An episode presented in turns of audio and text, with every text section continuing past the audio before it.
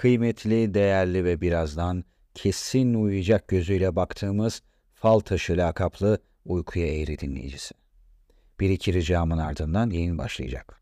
Öncelik uyuyacağın ortamda hiç ışık olmaması yani kendini karanlığa bırakman kıymetli.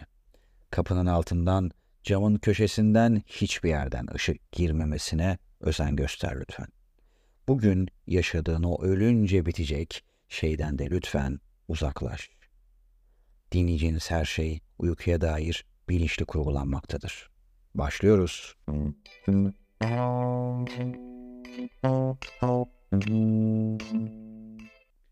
Kıymetli, değerli ve önemli. Bunların hepsi aynı anlama geliyor galiba aşağı yukarı. Fal taşı lakaplı dinleyicim. Hoş geldin. Bugün menümde neler var? Onları hemen bir özetleyeyim.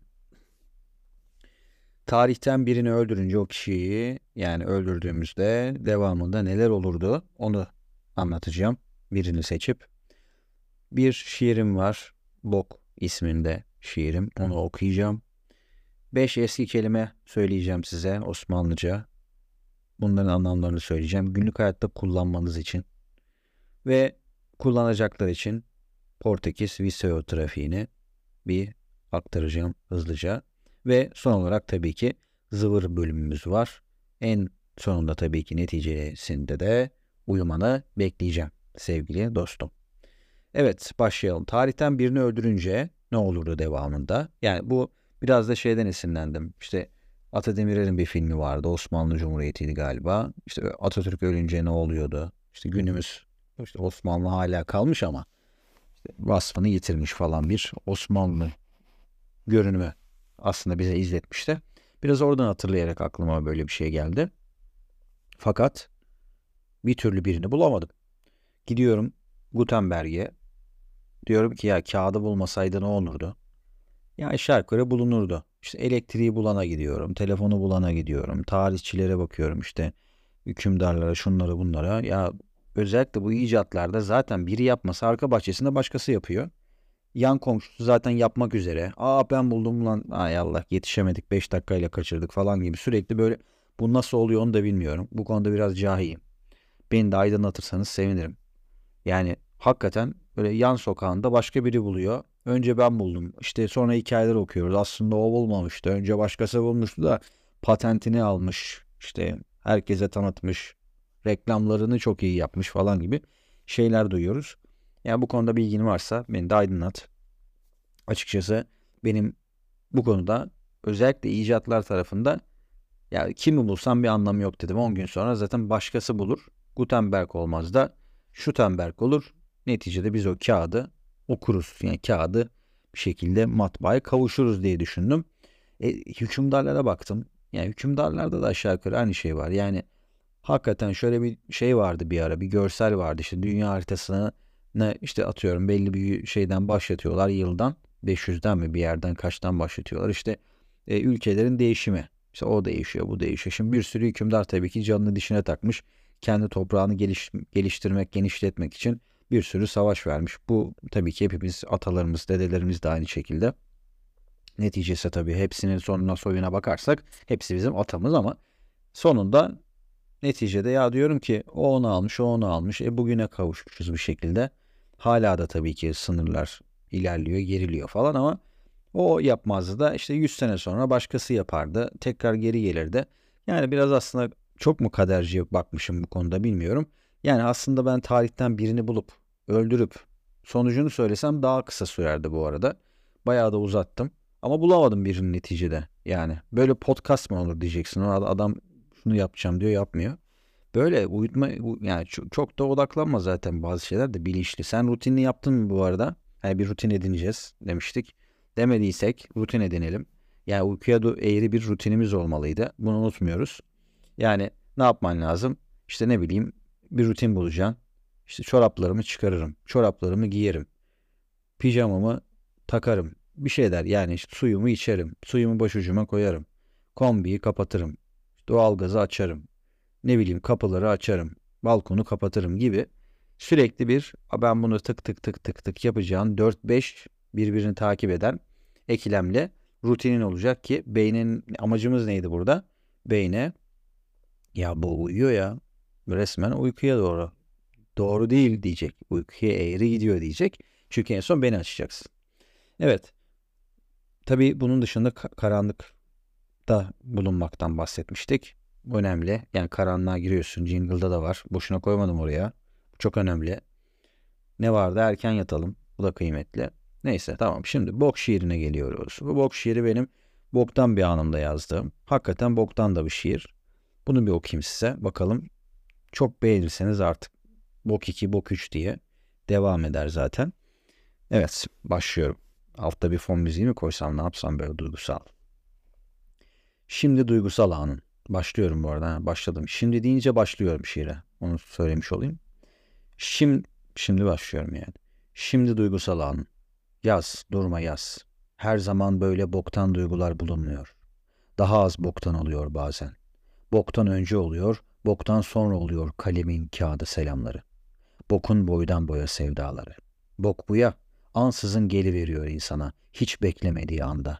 Belki otobüste veya vapurda, belki bir martı selamında. Neyse ayıl artık, yanaştı limana bu boktan vapur. Boktan boktan dizilirler şimdi, bok varmış gibi kapıya. Eve gitmeliyim, sızıyor her yanım. Boktan bir gündü tahmin edersiniz. Boku bokuna çabaladık yine. Bokumuzda boncuk aradık gereksizce. Sonunda bok varmış gibi kandık yine. Biliyorum, biliyorum sizin de bokunuz geldi. Bok bitiririm bu yazıyı. Bokunuz donsun. Neyse, sizin gününüz de benimki kadar boktan geçmek zorunda değil. Bok çakalım. Böyle bir boktan da bir şiir. İşte böyle podcast uyuyamaz mısın? İşte böyle boktan şiirler dinlersin. Neticede çok ilgini çekeceğini zannetmiyorum. Belki bu tam bokun ortasında uyumuşsundur ama çok boktan oldu. Yani bu kadar da boktan bir şeyle uyuyamayabilirsin. Muhtemelen tuvaletini getirmiş olabilirim. Beni durdurmuş olabilirsin. Ondan da korkuyorum. Ama yapacağım bok kendi bokun olmayabilir. Evet. 5 eski kelime dedik. Ve günlük kullanım örnekleri. Günlük kullanır mısınız bilmiyorum. Ama bence kullanın. Çok şey yiyorum, linç yiyorum ben bu arada. Yani çok arkadaşım biliyormuş gibi yapanını görüyorum. Aa öyle mi diyor falan işte ne bileyim ya bu ne abi falan diyenini görüyorum. Ya adam bana geliyor next'le diyor. Forward'la diyor.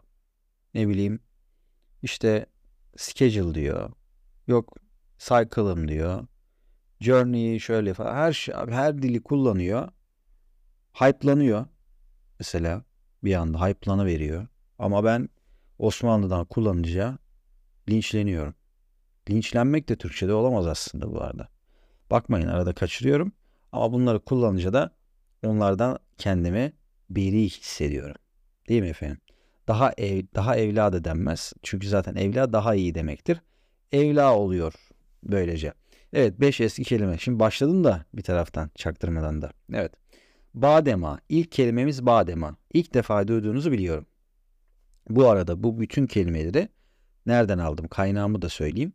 Hüseyin Rahmi Gürpınar'ın kitabından aldım. Kesikbaş kitabından aldım. Harika da bir romandır bu arada. Özellikle eski Türkçe'de yani tekrar böyle yumuşatılmamış Türkçe ile olanından alırsanız çok da keyif alırsınız. Onu da söyleyeyim.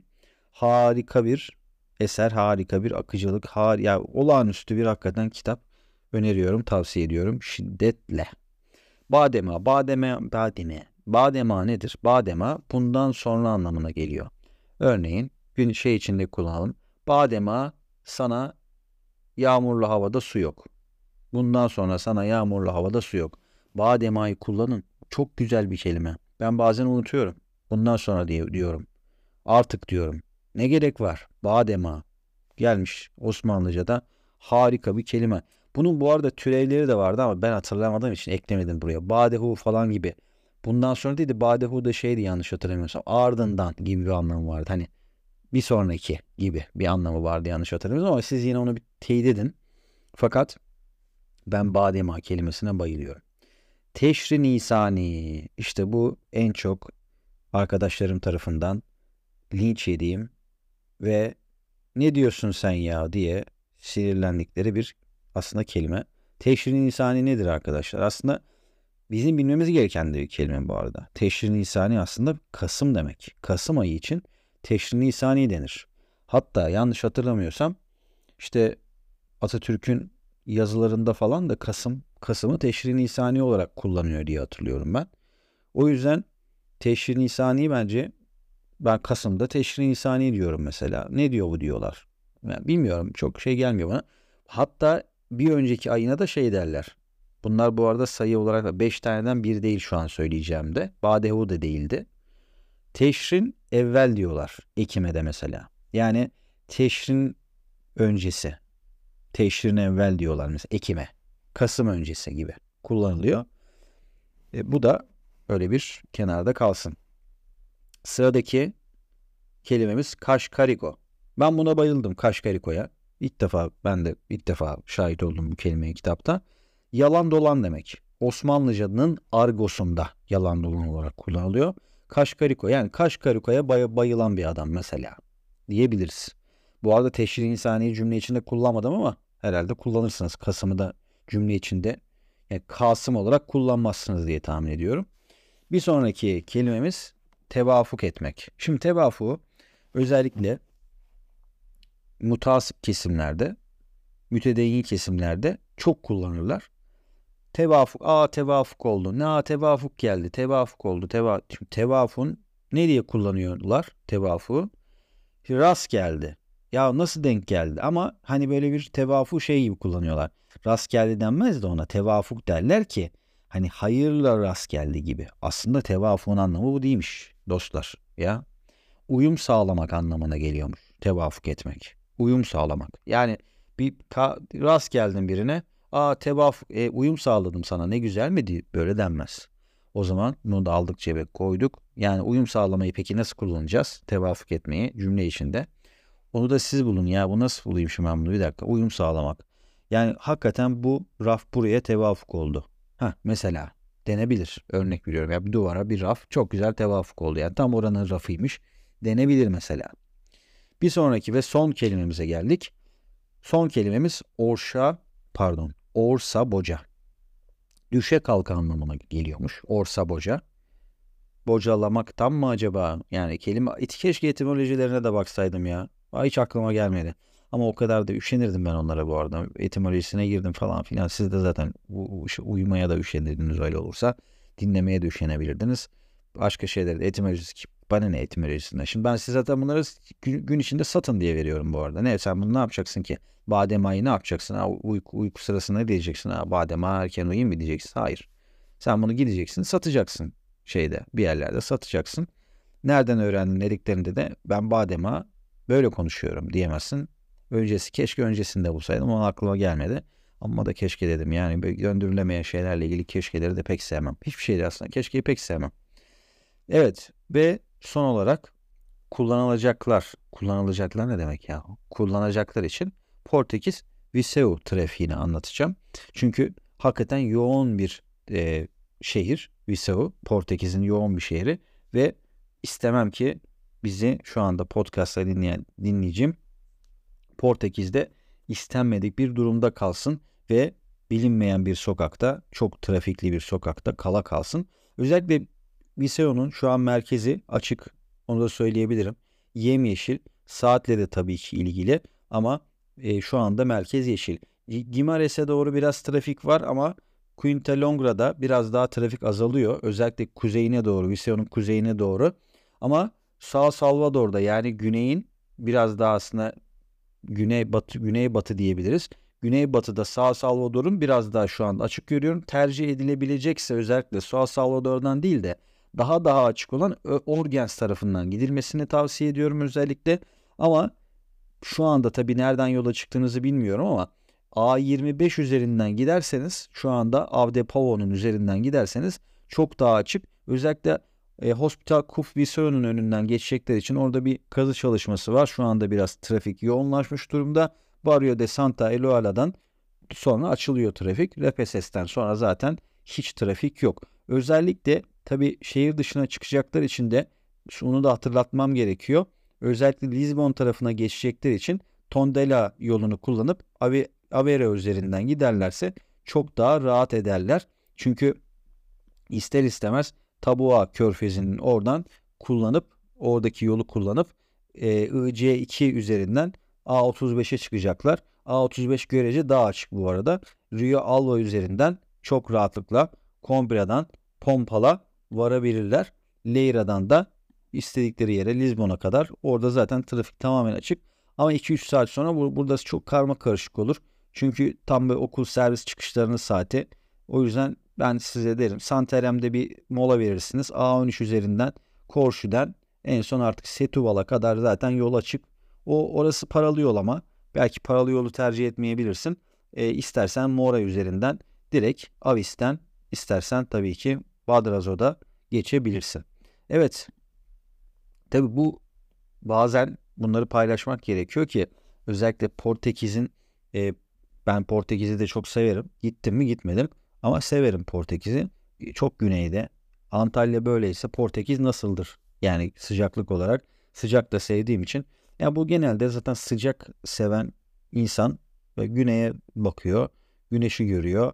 Güneşi selamlıyor. Güneşi seviyor. Ama ben genelde çevremde maalesef kış sevici insanlar var. Çok haz almıyorum bu tarz insanlardan. Kış turizmini, kış tatilini daha çok önemsiyorlar. Gidiyorlar kayaklarda işte sucuk çeviriyorlar. Sanki evinde sucuk yok. Ha diyeceksin ki ya sen bir buz pateni önerdin. Ya yazın ortasında da git buz pateni yap. Kim tutuyor seni? Hatta serinlersin bile daha da güzel olur.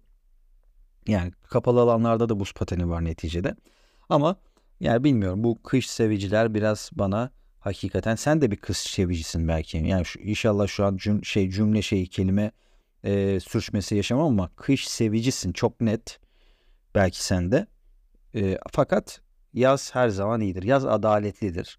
Bunu da yani burada belki ayrılıyoruz seninle ama yaz çok net bir şekilde adaletlidir. Çünkü niye? Kış sana çatın varsa sana yağmaz. Başkasının çatısı yoksa ona yağar. Kış o yüzden bana çok adaletli gelmiyor. Neticede her kış her kışa göre değildir. Bazen Norveç'te bir kışa yakalanırsın. Güneydeki kışa tercih etmezsin. Ama her kışın da eti yenmez. O yüzden yapacak da bir şey yok. Sen tabi yavaş yavaş artık zaten benim tahminimce bu arada sen Portekiz'in o artık detaylı ara sokaklarında kaybolurken benim tahminim zaten uykuya da bir 5 var durumuna geçmiş olman lazım. Ama yine de her ütülediğin gömlekte her zaman aynı şey kolayı vermez. İstediğiniz zaman istersen tabii sen ben kola diyorum ama bazen sarı kolayı da tercih eden olabiliyor. O yüzden ben çok bu ayrımı yapmak istemiyorum. Çünkü bir zamandır biz milli olarak tabii ki gazoz tercih ediyoruz. Özellikle Çamlıca gazozu tercih edersen bazen iki büyük veya küçük Çamlıca arasında mekik dokumanı sağlayabilirsin. Sağlayabilirsin ama her zaman da önermiyoruz tabii ki. Üsküdar'a da inersen Kadıköy'den geçmeden Altunzade'deki altınları çıkarmanı öneririm. Evet bir bir bir bir bir bir bir bir bir bir bir şu anda bitmiş olman lazım senin de gitmiş olman lazım bu arada. Uyumadıysan yani illallah ettirdin bana şu anda. Nasıl yaparız? Bir sonraki podcast da var ama ben isterim ki uyumuş ol. O zaman iyi uykular.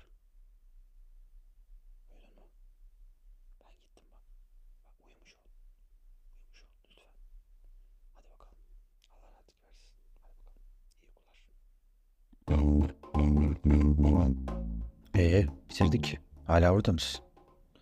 O zaman şöyle yapalım. Sadece senin uyabileceğin önerilerin varsa Ali Erturk.yandex.com'a paylaş.